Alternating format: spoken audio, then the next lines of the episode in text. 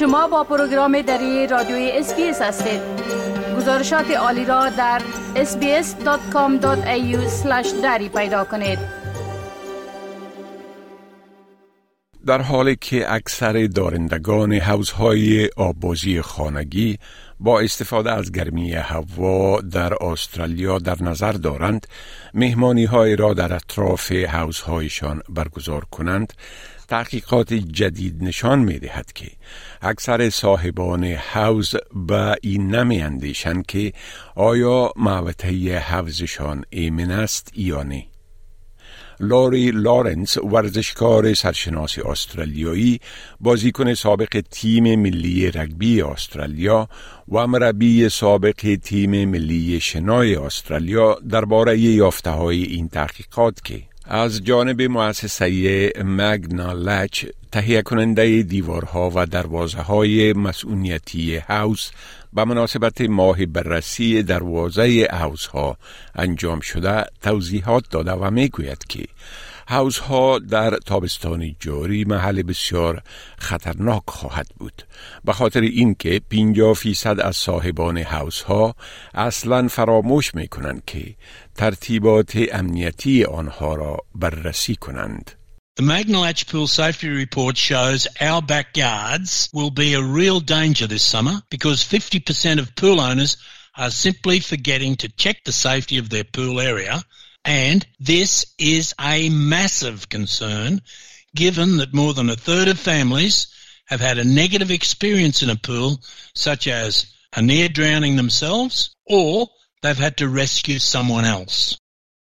آقای لارنس می‌گوید که مردم باید از روش های درست برای حصول اطمینان از مسئولیت حوز های خانگیشان استفاده و ترتیبات ایمنی حوزشان را به صورت متداوم ارزیابی کنند و در وقتی که مهمانی را در کنار حوز سازماندهی می کنند باید نظارت بر حوز را به عهده بگیرند. Proper pool etiquette is make sure the area is safe. The recommendation is check your pool area, gate and fence multiple times a year. Yet a third of pool owners are checking it just once a year. If you have a pool party, you must supervise or appoint a lifeguard supervisor. Close to a third of families claimed that they've attended a pool party where there was no adult supervision at the pool, and of those people, 17% left the party because the pool area was so unsafe. سازمان دهندگان ماه بلند بردن آگاهی در مورد مسئولیت اوزها در دسامبر یک راهنمای مسئولیتی را برای فصل تابستان تهیه کردند. آقای لارنس می‌گوید که این راهنما به منظور تامین مسئولیت مردم در وقت تفریح و خوشگذرانی در کنار اوزهای آببازی تهیه شده تا مردم بدون دیدن صدمه تفریح کرده بتوانند. Over 80% of families are planning to hold a pool party or attend someone else's party this summer. So pools are going to get a good workout. The Safe Summer Guide is about ensuring families have fun but not at the expense of safety. در گزارش تحقیقات در مورد مسئولیت حوز های خانگی گفته شده که در حالی که حوز ها مسئول یک سوم غرق شدن اطفال زیر پنج سال هستند یک سوم صاحبان حوز دارای اطفال زیر پنج سال به اطفالشان اجازه می دهند که بدون حضور خودشان در حوز شنا کنند آقای لارنس در مورد مسئول نگهداری حوز آببازی توصیه های دارد و می گوید که اولتر از همه باید قفل یا قیدک دروازه بررسی شود و از قیدک یا چفت مغناطیسی استفاده گردد. Number one, check the safety of your pool gate and latch. Make sure you have a lockable magnetic latch that prevents a child from opening it even if they climbed up. So if you're having a pool party, make sure you nominate an active pool supervisor and never, never leave the pool gate open. It's all about multiple layers of protection.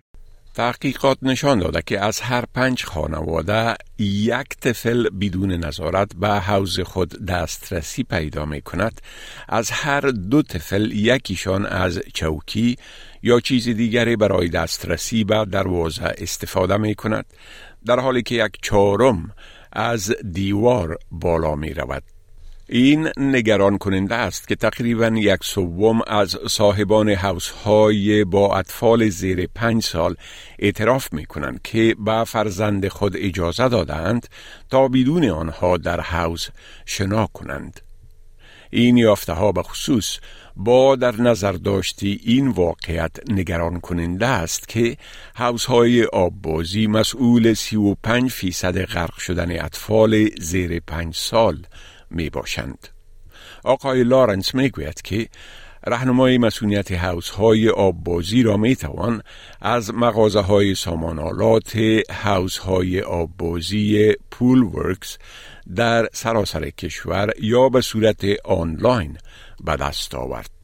The Safe Summer Guide is available at checkyourpoolgate.com.au and at Poolworks stores nationally. می خواهید این گونه گزارش ها را بیشتر بشنوید؟ با این گزارشات از طریق اپل پادکاست، گوگل پادکاست، سپاتیفای و یا هر جایی که پادکاستتان را می گیرید گوش دهید.